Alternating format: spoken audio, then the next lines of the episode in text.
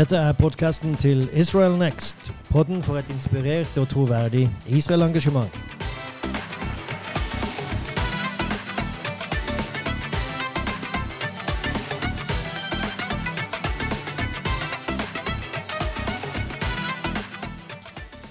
Jeg heter fremdeles Roar Sørensen, og med meg på andre sida har jeg fremdeles Ah, Lette Sørensen. Ja, og eh, dette er jo eh, første gangen nå etter en litt lengre pause som vi har hatt her i sommer. Vi har hatt litt eh, ferie fra podden, og eh, akkurat nå så sitter vi her i vårt lille studio og kikker ut, og det er strålende vær, det er blå himmel, og sola skinner, og Mandalselva renner sakte forbi her.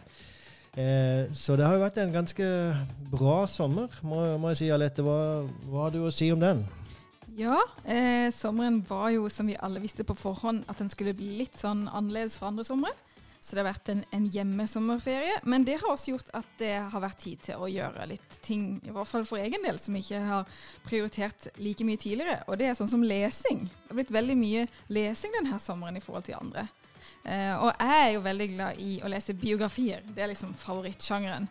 Uh, og i løpet av våren så leste jeg en del sånne eh, ja, biografier fra israelske ledere og sånne ting. Var veldig interessant. Eh, så i sommer så har jeg lest eh, faktisk en biografi fra, eh, med en fra Kina. Så det ga et helt nytt perspektiv. Det var litt spennende. Eh, 'Wild Swans' heter den. Og jeg husker lærer, historielæreren min på videregående anbefalte den eh, way back. Eh, men da leste jeg den ikke. Ikke før nå, da, en god del år seinere. Så den handler om Kina på 1900-tallet, fortalt ifra eh, forfatterens eget liv og hennes mamma og hennes bestemor. Så de var mye i forhold til Mao sin tid og sånne ting. Mye som jeg ikke har hørt før. Så ja, det var ja, interessant. Det, det, er jo et land som ligger langt borte, selv om det er jo gigantisk land. Det, det føles på en måte veldig aktuelt nå, å bare vite hvordan, hvor, hvor kommer det fra, det vi ser i dag osv. Mye om hvordan kommunismen kom inn i landet osv. Ja. Eh, så ja. Du kan, du kan nesten si det som så at uh, i, i, den verden vi lever i i dag, så er det nesten ingenting som er langt borte lenger. For så vidt. Veldig sant. Bortsett fra akkurat nå, da, kanskje.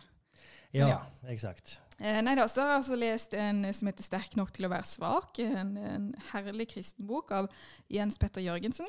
Og akkurat nå så leser jeg en som heter eh, G.R.R. Tolkien av eh, Humphrey Tolkien. Carpenter. Ja, Han som har skrevet 'Ringenes herre' og 'Hobbiten'. Så han hadde jo et ganske spennende liv, han også. Og bare få ja, lese litt om hvordan han han likte faktisk ikke biografi, ja, ja. så han var liksom litt anti det. Men ja. han herre Humphrey Carpenter har fått det til. så det... Jeg har, eh, jeg har faktisk òg hatt litt sånn eh, antibiografisak, men jeg begynte å lese for noen år siden, spesielt da om israelske storheter. Og, og, og, det er jo faktisk veldig interessant å komme inn og ta pulsen på livet de sitt og liksom få se hvor, hvordan de vokste opp, hva som former de, og, og hvilke avgjørelser de har tatt, osv. Så, videre, og så, så det, når det gjelder den her Lord of the Rings, så det, hver gang jeg hører det ordet, så tenker jeg på, eller den tittelen, så jeg på, tenker jeg på Moskva. For når jeg var i Moskva, så, så, så sa de det Snodig kobling, ja. de sa det at uh, Moskva er bygd som, uh, som Altså, du har fem, eller jeg tror det var fem ringer som, som, går med trafikk som går rundt sentrum. Så, og, så de kaller borgermesteren der for Lord of the Rings. Nei, det var ikke så snodig kobling. Kommunikasjonsring, altså ringveier, kan du si. Nei. Det var vittig. Ja, det, var, det er litt artig. Ja, Det får bli mer biografilesing, eh, helt enkelt. Har du lest noe sånt i løpet av sommeren? Ja, du vet, jeg, jeg holder meg jo til Bibelen. Ah, OK! Det er sånn brownie points med en gang. Eksakt. eksakt. Nei da, så klart. Bibelen er bra. Men, eh, men eh, jeg har lest faktisk et par bøker. Den ene heter Rabi Akiva, The, Pardes. Altså, Jeg har lest den på hebraisk, så jeg vet ikke om den fins. Den fins definitivt ikke på norsk, men kanskje heller ikke på engelsk. Jeg er usikker på det. Men den heter Pardes til Rabbi Akiva. Pardes er liksom som en slags eh, have som, som, eh, Rabbi Akiva gikk inn i. Rabbi Akiva er en veldig kjent uh, rabbiner som levde i det andre århundret etter Kristus. og Veldig viktig for hvordan jødendommen ser ut i dag. Så det er en veldig interessant bok. Eh, det var sånn blanding av fiksjon og historie, men eh, veldig mye historie i den. Jochi Brandes, som har skrevet denne boka, og er veldig kjent i Israel. Men har man peiling på når tid det er fiksjon, og når tid det er historie? Så En del vet man. Eh, en del er henta rett fra Talmud og Mishna og liksom sånt. Eh, og selv da så kan det være et spørsmål om fiksjon og historie. Okay, ja. Men eh, uansett, så, så en del vet man jo, og det, det, det snakkes om Bar Korpa-opprøret, som man vet er historisk, og det finnes arkeologiske bevis for osv. Rabbi Akiva levde under det opprøret da, og var på mange måter den åndelige mentoren for, Rabia, for Bar Korpa. Han skrev ingen selvbiografi, han, eller? Han gjorde nok ikke det. Eh, han fikk en eh, violent death, altså han ble oh, ja. drept av romerne til slutt. Så, eh, ja.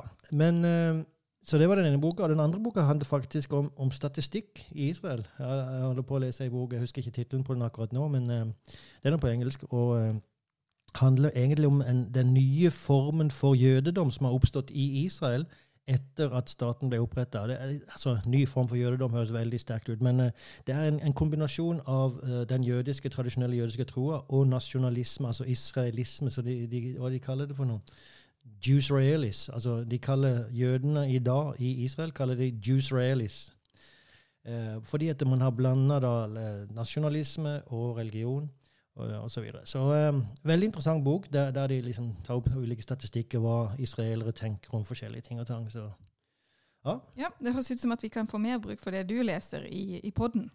Enn det ja, jeg har vi, lest i løpet av kan sommeren. kanskje gjøre en episode om Kina hvis vi finner noe Det var det, da. ja, da var vi gjøre en, en spesiell kobling. Men det vi eh, har tenkt å, å introdusere nå, er egentlig å snakke litt om hva Eller for å si det sånn, før vi gikk inn i denne sommerferien, så sa vi at vi skulle evaluere litt og forandre, eventuelt forandre litt på hvordan vi setter opp eh, podkasten og episodene. Eh, og vi har tenkt litt på det. Og vi har vel kommet fram til at det blir litt endringer her framover. Det her blir en slags overgangsepisode. Det blir liksom verken fugl eller fisk Eh, litt sånn, ja. Men målet vårt fremover er faktisk å dele opp innholdet litt. Ja, det er det. Og, eh, og det har jo litt forskjellige årsaker. Litt med feedback og litt med hva vi kjenner sjøl passer osv. Og eh, et av målene er jo det at vi vil gjerne skjære ned litt på tida, så at ikke det blir liksom oppimot en time. For det har jo ligget veldig ofte mellom 45 minutter og en time. Og, og målet er vel å komme ned imot iallfall under halvtimen. Det, det må jeg si er et mål, for at eh, vi vet Ja. ennå ikke om vi klarer å holde det. Men eh, Nei, det er målet. Det er målet. Eh, og Derfor så tenker vi altså å dele opp sånn at vi kjører en egen nyhetsdel. Eh, og eh, den, den eh, i alle fall, den skal nok ikke være lenger enn 20 minutter. Og den kommer vi da til å kjøre hver uke. Eh, det blir nok veldig mye meg som kommer til å stå for den eh, alene, men iblant så kommer du til å være med. Og eh, ellers så annenhver uke, da, den, den kommer til å gå hver uke. Og i tillegg da annenhver uke så kommer en kombinert sak som vi gjør sammen, der vi går inn på et tema. Ja. Det som vi på en måte har kalt for zoom out i eh, disse episodene vi har hatt før sommeren. Exakt. Der vi svarer på spørsmål, eller helt enkelt bare tar opp et tema. Eh, og ofte kan jo det være noe vi har fått spørsmål om Ja. fra dere lyttere, eller andre tema som, vi, som er relevante i Israel akkurat nå. Så jeg tenker at det kan være viktig å belyse det litt i, i en egen episode. Exakt. Og målet med de er jo at de skal være litt mer tidløse enn en disse nyhetene, da, som Ja, det, det, det er litt av årsaken til at vi skiller på de her to. For da, da kan man, det er litt kjedelig å høre på nyheter i altså Sånn som vi har hatt det, så har det jo vært nyheter og temaer tema blanda. Og det er kanskje ikke så moro å høre på nyheter for, eh, fra flere år tilbake når man liksom skal høre. Temaet er jo som f.eks. denne episoden vi gjorde om eh, navnet Palestina. Hva, hva er, hvor er Palestina osv. Det temaet er jo like aktuelt i dag som det var da, men ikke, ikke nyhetene. Sånn er det. Men denne episoden blir en slags overgang, da. Så nå har vi egentlig Nå legger vi inn både nyheter og tema. Eksakt. Men eh, bare la, la oss òg eh, si det at vi vil gjerne ha feedback fra folk på hva de synes om det her nye konseptet. Altså Nå har vi ikke kjørt i gang ennå, men eh, når vi kjører det i gang, så eh, Og uansett så vil vi ha feedback. Så Akkurat. For det er ingenting som er skrevet i stein her. Så her er det muligheter for å være fleksibel. Og det, det liker vi. Yes. Ehm, men ja, hvis vi går på dagens innhold, da.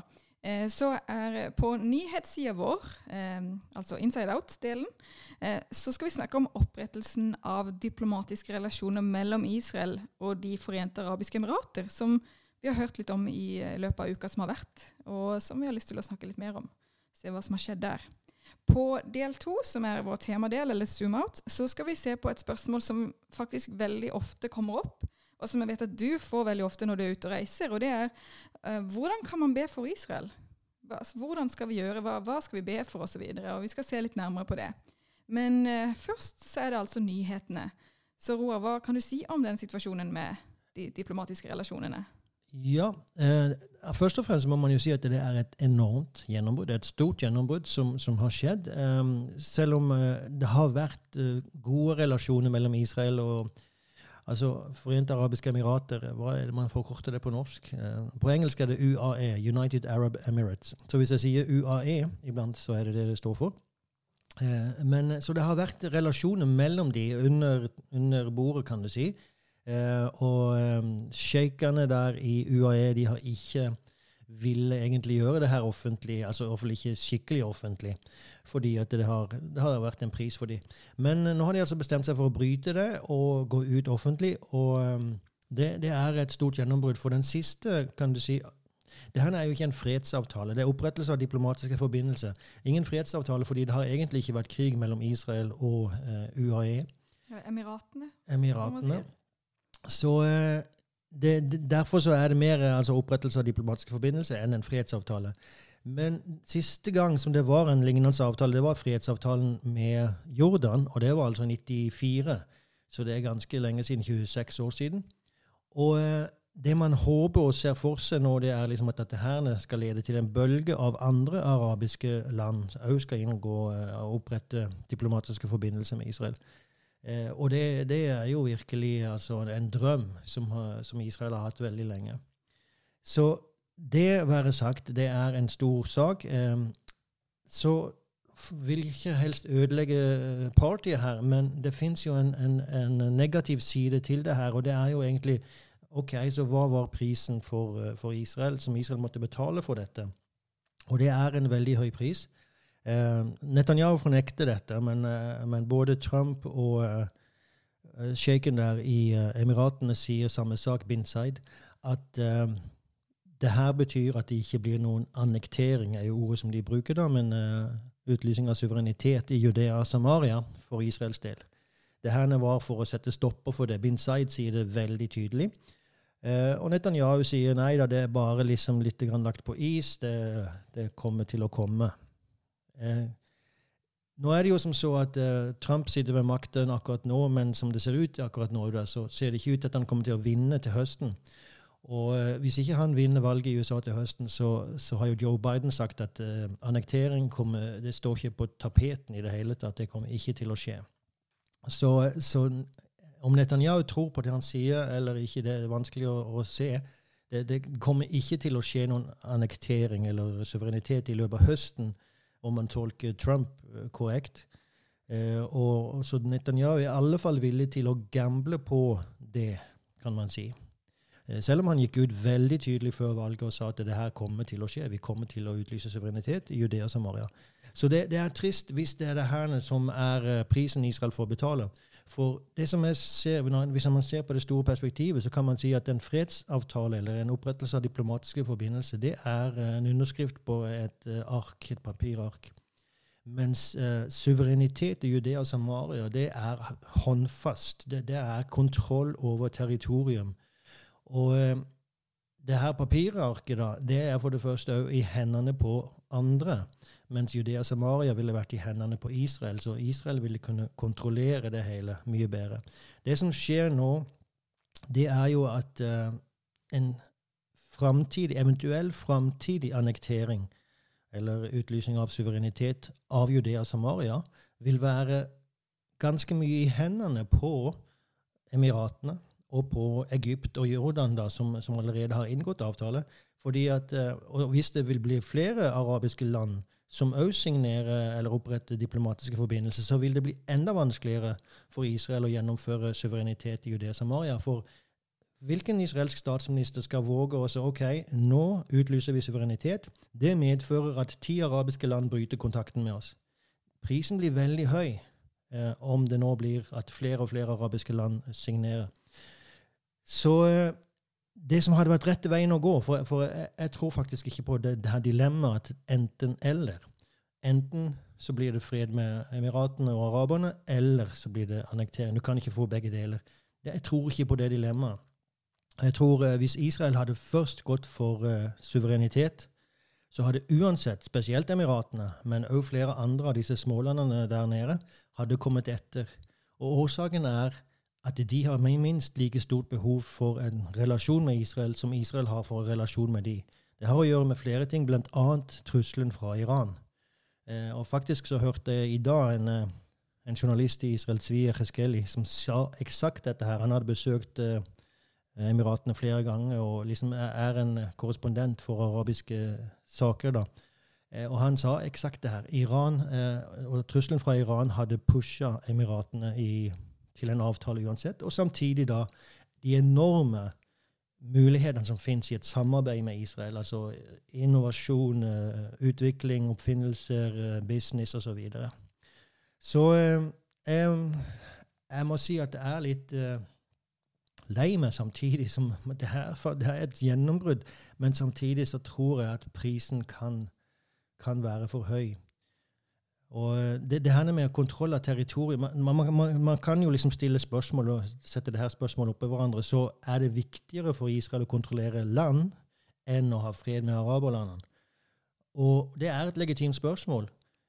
Saken er bare det at uten Judea og Samaria så er Israel ganske forsvarsløs. Skulle det bli en palestinsk stat der, så er Israel veldig utsatt, på, altså rent strategisk. Uh, så militært vil de da være utsatt. Og òg deres legitimitet som stat, fordi at eh, deres Vi har snakka om det her tidligere, men de jødiske kjerneområdene de, de ligger der, i Judea og Samaria. Så det finnes en del argumenter som, som taler for at uh, landområdet er kanskje viktigere Spesielt fordi at det da vil være i hendene på Israel, og ikke i hendene på noen andre. kan du si. Den diskusjonen kom, husker jeg kom opp når det var snakk om Golan, å gi Golan bort. Så var jo det altså, av sikkerhetsmessige årsaker enormt viktig å beholde den, det geografiske området, og ikke la eh, Syria få noen bit, eh, osv. Og, så og få den liksom ja, muligheten til å stå på Golan og på en måte ja. sende ned ting til Israel. Men jeg bare tenkte på to ting når jeg hørte om denne nyheten i forhold til eh, relasjonen med Emiratene. Eh, dels var det det her med timingen, og den har du på en måte besvart på nå, at eh, denne prosessen med annekteringen eh, gjorde jo at timingen måtte være nå, hvis de skulle stoppe det. Eh, og det andre sier du, nå ble jo prisen eventuelt da veldig høy, eh, men det man får for det da, altså den, den her freden som det heter, hva, er det noe annerledes enn det de har nå, eller er det noen slags garanti for at i så så lang tid så liksom, Blir det ikke krig, eller liksom er det mer enn bare at oi, det blir ikke krig, og det har vi ikke, for så vidt ikke hatt, men det har kanskje alltid ligget i at det kan være en tru Altså, eh, altså risken, og spesielt med Emiratene, da, men risken her har kanskje ikke vært krig, men det har mer vært altså, at eh, det ikke har vært forbindelse. Og da snakker vi om økonomiske forbindelser. Det er enormt potensial. Altså Israel er jo som en øy, har vært som en øy i det området, fordi at disse arabiske landene ikke har inngått uh, avtale med Israel. Og Der ser vi allerede, der er det liksom blitt en markant forandring nå, da? fra... Ja, det, altså markant og markant. Det blir en forandring. Uh, men som sagt så har det vært uh, masse relasjoner mellom disse to landene. Hvis det her skulle lede til at flere land Nå er det jo Bahrain som, som det er snakk om, det er snakk om Saudi-Arabia, men det, det har jeg vanskelig for å se at det skulle skje. Det hadde vært kult. Ja, uh, og med, med, tida så tror jeg nok det. For de igjen, samme, samme der, de er jo en trussel fra Iran. De har en, en stor trussel derifra. Så eh, Men det, det, er ikke det, altså det, den store faren var nok ikke krig, men det var det at det var mangel på utvikling av relasjoner, businessrelasjoner osv. Uh, og ikke minst, altså Israelerne virker jo veldig glad akkurat nå for å kunne reise til uh, Abu Dhabi og osv. Og, og uh, å kunne liksom få, få nyte av det ja, en, en, arabisk stat. altså De, de, de har drømt om det her lenge, sånn sett. Men uh, som sagt da, så, så er prisen eh, ganske høy. Og som sagt, jeg tror at uansett om Israel hadde gått for annektering først, så hadde Emiratene spesielt kommet etterpå uansett med opprettelse av diplomatiske forbindelser. Og, og, til syvende og sist, altså Nå har vi snakka om det her ut ifra politiske, uh, geostrategiske, hva, liksom alle mulige forhold. Til syvende og sist så får vi jo spørre oss hva har, har Gud noe han skulle sagt om det her? Og, og Jeg kommer jo tilbake til det hele tida at når det gjelder Judea og Samaria, så, så, er det området som Gud har sagt det herne har jeg gitt til uh, Israel. Eh, det er landområder som jeg skal føre dem tilbake til. Jeg skal ta dere tilbake til deres eget land. Og jeg vet at her så kan man tolke ting, og man kan snakke OK, men er det timinga nå? Er det timingen seinere? Osv. Og, og igjen, OK, det er verdig en diskusjon, men jeg kan ikke ignorere hva, hva Bibelen sier. Og Gud faktisk, han sier heller ikke at det her er det enten-eller. Han sier ja, det her er deres land, men han sier òg be om fred for Jerusalem. Så for han heller så er det ikke enten-eller. Så det her er jo et veldig godt eksempel på sånne situasjoner som Israel står ovenfor. Um, ja, egentlig eh, hele tida, konstant, så er det jo sånne, sånne vurderinger de må ta. Eh, og eh, ikke minst med, med, med, i politikken, som også der det kan Vi har jo sett eksempel på det i løpet av våren og i løpet av fjor òg, der ting kan være shaky. Eh, og så har de sånne store avgjørelser de skal ta, og så har de en befolkning som, der det finnes veldig mange forskjellige grupper osv. Så, videre. så det, det finnes egentlig veldig mye i Israel også. Eh, eh, ja, vi vet jo at, at, det er jo mer enn bare det vi ser også. At det er jo at Gud har en plan for det her landet. Eh, og derfor finnes det jo en, eh, et stort behov for bønn. For at vi joiner inn. Eh, vi som er Guds barn at vi er med og ber for Israel. Og det er egentlig det vi litt grann skal gli over til nå. Ja. I, I, vår temadel, vår zoom out. Zoom out, ja. For um, da er det akkurat det et veldig vanlig spørsmål. Altså, vi vet jo at det, det er mange av oss som ber for Israel. Eh, men mange lurer også på hvordan, hva skal jeg be, liksom? Hvor, hvor begynner jeg? Og det, det, er vanskelig å vite hva, hva gjelder, hva, hva er liksom korrekt? Og det, det, får jo du også ofte spørsmål, og det har vi også fått uh, spørsmål om i forhold til Israel Next. Så eh, tenk hvis du bare begynner med å lese episoden sitt eh, bibelvers, så tar ja. vi det derifra. Det er, eh, det skal jeg gjøre, det er fra Nehemja, og ettersom det, det relaterer da så sterkt til det her temaet, så, så tar vi det her nå. Eh, og Nehemja, jeg, jeg, vil bare lese fra begynnelsen av Nehemjas bok, faktisk. Nehemja 1.1. Nehemja, Hakaljas sønns ord, i måneden Kislev i det 20. året da jeg var i borgens Susa, skjedde det at Hanani, en av mine brødre, kom sammen med noen menn fra Juda. Jeg spurte dem om jødene, om dem som, var, som ble utfridd, som var igjen etter fangenskapet, og om Jerusalem. De svarte meg, resten, de som var igjen etter fangenskapet, og som er der i området, er i stor nød og vanry.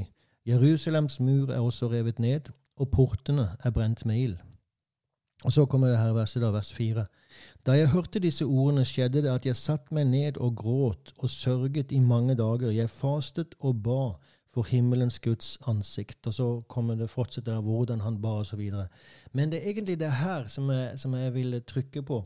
Denne holdninga av, av, knust altså, altså at han blir helt tatt av situasjonen som er der i landet.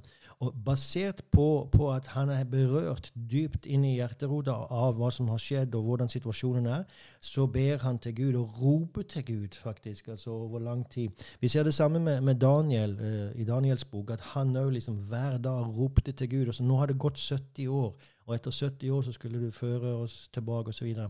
Men, men det er denne holdninga som jeg tror må være utgangspunktet for enhver bønn, og ikke bare for Israel. Eh, det står om Jesus òg, faktisk, at han På engelsk står det 'He was moved with compassion', og så helbreda han, står det. Og den her at det, at det må røre oss i, i dypet av vårt hjerte. Nå er det iblant sånn at uh, Israel kanskje ikke berører deg i dypet av ditt hjerte, men da tror jeg faktisk at uh, bønn for Israel vil lede til at det havner der dypt i ditt hjerte osv. Så, videre. så det var egentlig bare det jeg ville si nå til, som en innledning. Holdningen når man ber, er utrolig viktig. Og det bibelverset som ofte blir trekket fram når man snakker om å be for Israel, det er jo det fra Salme 122, der det står om 'be om fred for Jerusalem'. Og da setningen etter det, så står det jo faktisk 'la det gå dem vel som elsker deg'. Og igjen så er det jo, det blir, reflekterer jo også en slags holdning, altså kjærligheten ja. til, til, Jerusalem. Eh, igjen da. Men det her med hva, hvordan skal vi be for Israel, det har jo jeg og fremdeles også da, stiller det spørsmålet. Og jeg husker i begynnelsen, når, når jeg, ikke i begynnelsen høres ut som, men, men, fremdeles også altså, Når jeg skal be for noen ting, så pleier jeg ofte å, å gå tilbake til det som disiplene spurte om når de spurte Jesus hvordan skal vi be. Lær oss å be. Og, og Jesus lærer de Fader vår. Og der står det jo 'la din vilje skje', eh, som i himmelen så på jorden. Så bare det å, å be Guds vilje over landet, det er en sånn en, det er en, hva skal man si, en sikker, en sikker Ja, bønn. Exakt. Da vet man. Sikkerhetsventilen. Akkurat. Ja. Eh, en annen ting som jeg ofte kommer tilbake til, det er jo det når eh, det står i første Timoteus med, med at vi skal be for alle mennesker, eller ha forbund og takk for alle mennesker. Men så står det sånn spesifikt be for konger og for alle som er i høy stilling. Eh, det blir liksom nevnt særlig da. Og da tenker jeg igjen, det kan man jo også bare copy-paste på det her med Israel. For jeg vet at der trenger vi mye forbønn for de som er i høy stilling, fordi at de har sånne enorme avgjørelser å ta, som vi var akkurat inne på i, når vi prater om nyhetene. Sant. Um, men en ting som, som kanskje har vært en eh, Eller som fremdeles er den mest eh, den, en, en veldig viktig årsak til, uh, til når jeg ber for Israel, det er jo det her med at nå kjenner jeg til det så mye bedre. Altså Jeg har vært i landet, eh, har eh, eh, Ja, som bare tar inntrykk fra, fra Bibelen og, og, det som står der. Eh, men framfor alt det der med egentlig å besøke landet og satt seg litt inn i og liksom forsøkt å forstå, gjør jo at det gjør noe med hjertet, det gjør noe med innstillingen. Og jeg tror at det påvirker bønnen. Altså Det er lettere å be for noe som man elsker. Det er lettere å be for noe som man er engasjert i å tenke på. Eh, så, så, litt det der igjen, tilbake til det med innstillinga og kjærligheten. Ja, jeg er helt enig, og, og, og, jeg tror virkelig på det her med at, at å besøke landet det, det legger Israel i deg på, på et spesiell måte. Samtidig så, så, er det klart at for den som ikke har hatt den muligheten, så, så fins det allikevel Gud kan røre ved hjertet. Og, og jeg tror på, på det, det som tror er, jeg også. Det som jeg sa her i begynnelsen, at hvis det er så at du ikke kjenner at du har dette hjertet for Israel på den måten som Nehemja beskriver her, så begynn å be for Israel og be om at Gud skal gi det til deg, så, så, vil det, så vil han gjøre det. Og det vil bli en naturlig del av ditt liv.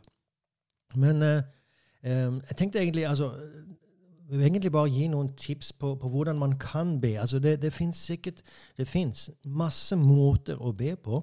Og, og, det som jeg deler med dere nå, det er liksom ikke fasiten, men det er én mulig vei. Og jeg kommer til å bli, bli ganske praktisk her. liksom Hva skal man be for, og hva kan man be for, osv. Men en, en, sak som jeg tror er viktig det er, jeg, Når jeg underviser om det her, så snakker jeg om heart and head, altså hode og hjerte. Og jeg, jeg tror det er viktig med det som jeg kaller informert bønn. Jeg tror det det er, en bra sak med en informert bønn. At du har både hode og hjerte i bønnen. Og da, da informert bønn, da, da, har du litt kunnskap om hva som pågår der nede, og du har satt deg litt inn i saken, sånn at du kan faktisk be mer effektivt. Eh, om, om, saker og ting. Du kan be mer targeted, sier man på, på engelsk, altså, men mer spesielt, mer retta. Ja, retta mot spesielle temaer. Uh, og det her er jo så klart det, det, Alle kan ikke sette seg inn i alle detaljer om Israel osv., men en viss kunnskap kan, kan, hjelpe. og bare følge med på litt nyhetsbrev. Det fins jo òg forbedere som gir ut nyhetsbrev om, om Israel, og der man kan virkelig få masse informasjon om, om hvordan man skal be, hva som er relevant akkurat nå. Eh, men hjerte og hode tror jeg på. Eh, og, bare for Det er klart Den hellige ånd kan veilede deg når du ber, og det gjør han. Det, det, det, men det fins ingen motsetning mellom dem. Eh, Jesus sa faktisk at når han sa han skulle sende Den hellige ånd, så sa han og han skal minne dere om alt som jeg har sagt. Med andre ord, så, så Den hellige ånd tar ikke bare ting rett ifra lufta, men han minner om ting som du har hørt, altså det, som du har blitt undervist om. Så Heart and head tror, tror jeg på. Eh, en annen sak som jeg òg tror, tror, på, det er å bruke Guds ord når man ber for Israel. Eh, det, Bibelen har jo så masse løfter som, som er spesifikt til Israel, så det er ikke vanskelig å finne ord som snakker om de sin tilbakekomst til landet, de sin tilbakekomst til Gud, de sin relasjon eh, til Gud, eh, de sine styresmakter osv. Det fins en masse vers som man kan hente ut be om, be om, fred for Jerusalem. Og da, da fred som Gud altså Bibelen, snakker om den fred som Gud gir. Så det er ikke nødvendigvis den samme fred som, uh, som verden gir, osv. Så, videre. uh, så bruk bibelvers når man ber. Be òg ifølge kalenderen. Og det, det, tror jeg veldig mye på. at uh, Følg med. Hva, hva, skjer i Israel akkurat nå? Da, da har du de uh, bibelske høytidene, religiøse høytidene, men du har òg nasjonale høytider. Du har uh, forskjellige ting som hender i Israel. Og veldig, det er veldig herlig å be i tråd med det som skjer, for da er man på mange måter i, i tråd med og i linje med hva, hvor folket befinner seg. Det, så det har jeg veldig tro på. Be, be ifølge kalenderen. Det fins en masse høytider som du kanskje ikke kjenner til. Men altså, det fins f.eks. på våren så har de jo eh, for Det begynner med Purim, kan du si. det Esters bok. Eh, så kommer jo påske etter hvert. Og så kommer jo disse høytidene som er altså holocaust-minnedag. Det fins eh, falne soldaters minnedag. Det fins eh, Independence Day, uavhengighetsdagen. Det fins Jerusalem-dagen. Og en masse sånne ting som hender der på våren. På sommeren så har du eh, Tisha B'Av, den niende av, der man sørger over tempelets ødeleggelse osv. Så, videre. så det fins masse. Og så, klart alle disse høytidene på høsten, som er det jødiske nyttår, eh, løvhyttefesten og eh, Yom Kippur og eh, ja, Simchat Torah, som er altså gleden over Toraen. Eh, og så kommer Chanukka der på slutten. Eh, så, så følg kalenderen det gjør din bønn òg mer det, blir mer artig å be, kan man si. Og jeg tror på det, og jeg tror ikke det er feil at det skal være herlig og interessant å be. Eh, så når det gjelder temaer som man kan be for, så, så tror jeg på f.eks. Alia. Eh, Bibelen snakker veldig tydelig om det, at Gud skal føre sitt folk tilbake igjen. Så be om at det, ting skal legges til rette, at, for, at, jøder rundt omkring i verden vil vende tilbake, at de kan vende tilbake, at det økonomisk lar seg gjøre både der de er, og der de i Israel, at Israel klarer å ta imot dem osv.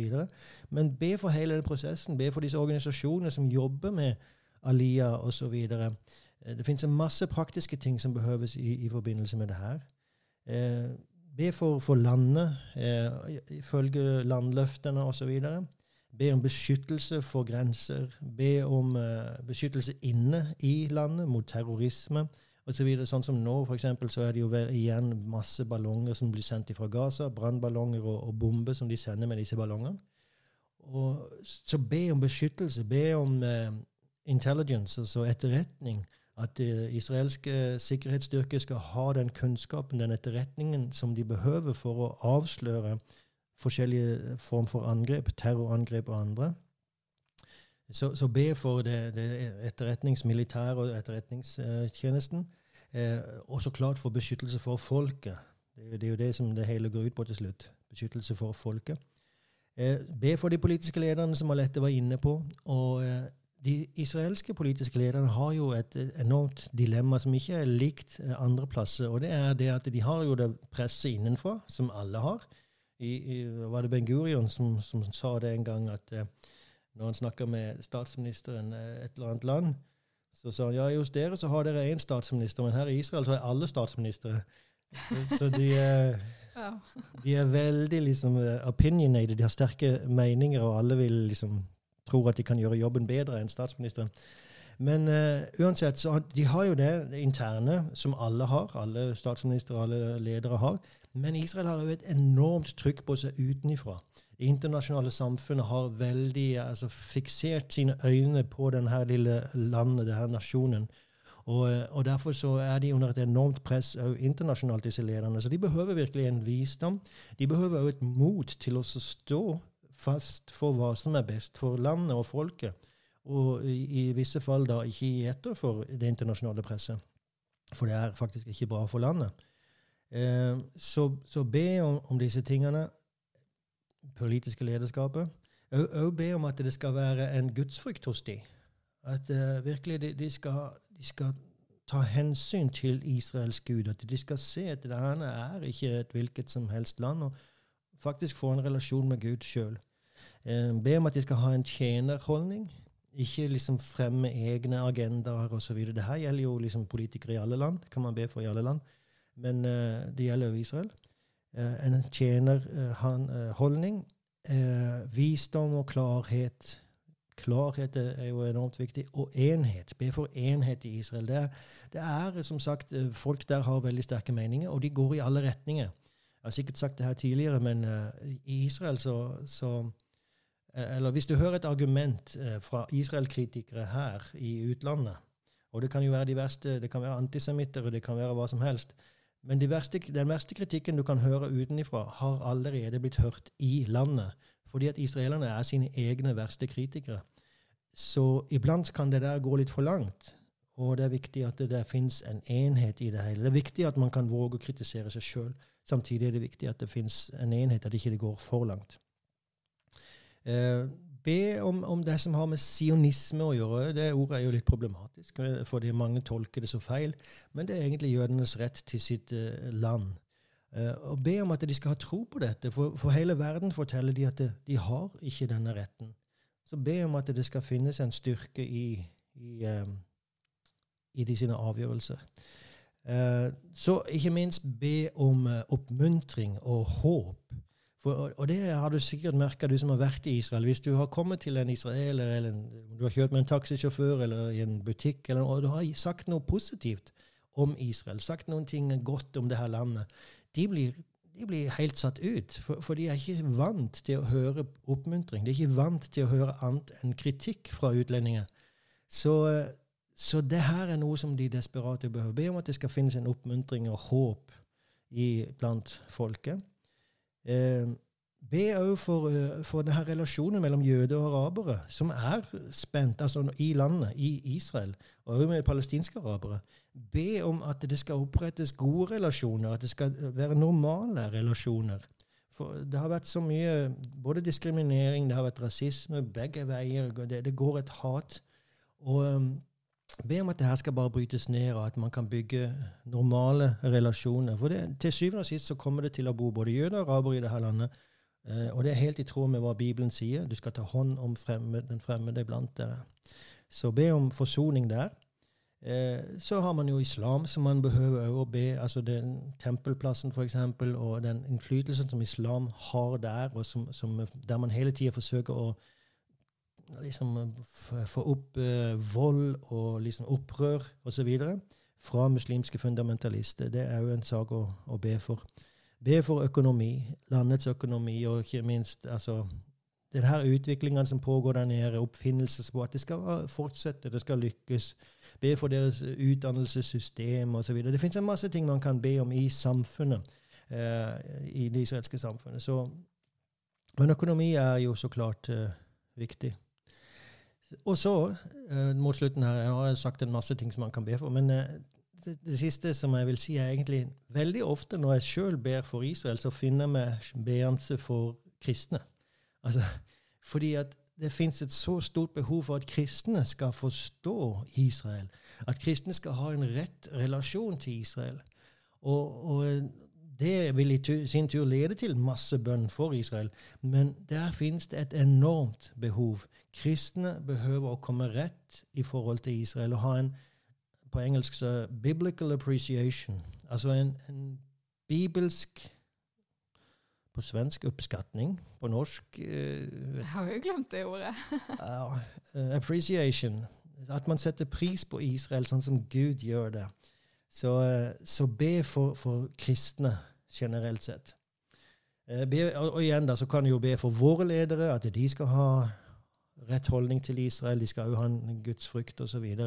Men uh, be for våre nasjoners relasjon til Israel, be for våre medier, be for våre akademiske institusjoner, at det der òg skal det være sannhet som blir talt, uh, og at de som taler sannhet i, det, i dette landet, i, i, det landet der du er, at de som taler sannhet, får en plattform, at de, de, deres røst blir hørt, så å si. Mm. Det, jeg syns det var veldig bra at det ble så konkret, med temaer som er såpass OK, da tar vi det, og så, så begynner vi å be. Eh, at det, det, er såpass enkelt, det her. For jeg tenker at eh, for egen del, og da tror jeg ikke at jeg er helt alene om det, men det er liksom alt man hører om Israel, det er jo så politisk. Det, det vi får liksom i hverdagen å høre om Israel, det er det alltid noe ja, det er noe politisk som ligger bak.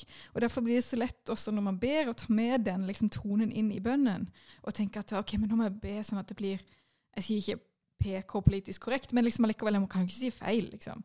Men, men, det er jo tross alt Gud vi prater med. Og han ser til hjertet, sånn som du begynte med, med, med heart and head. Han ser jo til våre hjerter og til, til det, vi, ja, det vi tror på, det vi drømmer om. Så jeg tenker at når man ber til Gud, så, så behøver man ikke være redd for at man ikke holder fakta korrekt. Eh, han, han hører bønn, Ja. og han vet hva vi, hva vi vil, og hva vi ønsker, og hva vi, hva vi bærer på i våre hjerter. Men egentlig også jeg bare oppmuntra det du sa med det her med å be for enkeltmenneskene midt oppi alt. Altså Selvfølgelig alt det som har koblet til politikk og liksom avgjørelsene og økonomi, sikkerheten og alt det der. Selvfølgelig. Men også egentlig det å be for med menneskene som bor der, med håp. Altså den hverdagen som de møter, som, som for mange av oss er ganske vanskelig å sette seg inn i. Det tror jeg er veldig godt å bare huske på de eh, tingene der. For det, det er bilder i hodet, og liksom sånn, det, det blir så mye lettere å be da når man har folk som man ser for seg og be for, be om håp. Og også enkeltmennesker når det handler om våre egne, altså våre, vi som er kristne, og som, som ikke bor i Israel. Eh, og vår relasjon til landet. Eh, Ja. Altså kristne, kristnes relasjon til Israel. Og be for, for oss òg. For eh, at, at vi skal få opp øynene, og at vi da på en måte blir flere som ber for, for Israel. Og Ja, det hjelper liksom å altså Bønnen blir så mye mer interessant når det blir konkret. Når ikke det bare blir altså, Gud, jeg ber om fred for Jerusalem osv. Og så var det nå Ja, vi står på muren for Israel, og intet våpen som Israel. Alt, alt det her er bra, det er bibelvers. Men når det bare blir at du gjentar de bibelversene uten å sette de inn, applisere de på spesielle situasjoner, så kan det bli litt trøttsomt. Og, og litt mer detaljer på det, litt mer kjøtt på beinet, kan du si. Det hjelper deg å være fokusert i din bønn, og det hjelper deg å være hengitt i, i bønnen. amen. Det tror vi på. Yes. Da har vi i hvert fall begynt å svare på det spørsmålet der, om hvordan vi kan be for Israel. Så kan vi sikkert snakke en time til om det egentlig. Oh yes. Og, og, og andre kan komme med andre innspill, for det Oh, yes. finnes virkelig så masse mange måter å be på. Og, og bare igjen, eh, ikke kjenn som Alette var inne på her, at om ikke du har kontroll på alle kunnskaper og alt det, det spiller ingen rolle. Gud ser til ditt hjerte, så det, det er viktig. Absolutt. Men så kan vi bare nevne det når vi allikevel prater om den biten, at eh, det her med at vi nå har en egen på noe til nyhetsdel. Altså Hver uke så kommer vi med en egen, egen episode som bare fokuserer på nyheter. Vi håper jo at det skal være med og hjelpe til det du kalte for informert bønn. Ja. At man kan ta ting som man hørte i den poden, og, og ta det med i bønnen sin. Så, så bare som et tips, og tenk på det. Det, det er faktisk veldig bra at du sa det. for det, det er jo en av årsakene til at vi deler disse nyhetene. Og ikke bare deler nyhetene, men òg deler vår forståelse av disse nyhetene. Fordi at uh, nyheter kan du liksom få høre hvor som helst. Og iblant så finnes det tolkninger som kanskje ikke er eh, korrekte osv. Her får du uh, en, selve nyheten, men du får òg hvordan man kan forstå det her ut ifra et bibelsk perspektiv. Så, og det håper vi da. Altså Målet er at det skal både hjelpe deg å be korrekt for Israel, og det skal hjelpe deg med å si noe godt om Israel. Yes, Så informasjon er en bra ting. Og da Yes. tenker vi at eh, da kan du også eh, gjerne informere andre. Det, det tror jeg òg ikke skader, altså. Så, og denne podkasten den tenker vi, den passer jo både for, for deg som har vært i Israel si 70 ganger, og for deg som kanskje ikke engang har tenkt på tanken på egentlig dra til Israel, eller knapt tenke på Israel i det hele tatt. Eh, vi lager denne podkasten for framfor alt til kristne, da, men, men for alle kristne i alle kategorier i forhold til relasjon til Israel. Uansett hvor man står, så passer det. Så del den gjerne med dine venner. Og hvis ikke du allerede gjør det, så følg oss også gjerne på sosiale medier, for der legger vi ut eh, informasjon. Eh, vi skriver om podkasten og vi tar opp for tema der, men vi har også andre in, eh, interessante ting som vi håper vil inspirere deg til et sunt Israel-engasjement. Og så klart, gjerne skriv til oss også. Har du spørsmål, har du feedback, ta og eh, send det videre inn til oss. Det må du gjøre. Og eh, en sak som vi ikke nevnte, men som vi òg tenker å kjøre i gang med, det er faktisk et, eh, et nyhetsbrev eh, en gang i måneden, som egentlig kommer til å, å ta et sammendrag av, av viktige ting som har skjedd i Israel den siste tida, kan du si. Og hvis du er interessert i å, å få det her nyhetsbrevet, så send din adresse, din e-mailadresse til oss, så ser vi til at du havner på den lista når vi, når vi kjører i gang.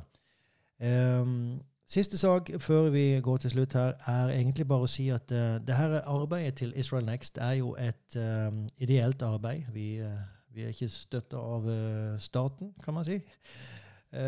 Eh, tvert imot. Nei da. Men, eh, men, det er et ideelt arbeid som, som bygger på gave. Så eh, hvis du kjenner at det her er noe som er med å gi deg ting, og du kjenner at du vil være med å støtte, så fins den muligheten. Og eh, du kan enten besøke vår webside, israelnext.com, og eh, bare trykke på 'gi', så kommer opp all informasjon der med bankkonto osv. Og, så eh, og du kan jo gi online med, med ditt kort. Eller så kan du gi via VIPS. Og vips nummeret vårt er 57 34 12. 57 34 12. Så eh, kjenn deg helt fri hvis du kjenner at det her er noe du vil være med. Eh, det, er, det, er, definitivt ikke noe vi, vi, presser på. Vi vil bare gi muligheten til det her. Og da så eh, går vi altså til slutten av denne her episoden. Og eh, Neste gang så blir det altså annerledes dette. Vi kommer til å Ja, det blir spennende å ja. få i gang det nye konseptet. Teste ut det. Og, og uh, vente på å høre din feedback på det nye konseptet etter hvert. Så meanwhile, i mellomtida, si noe godt om Israel.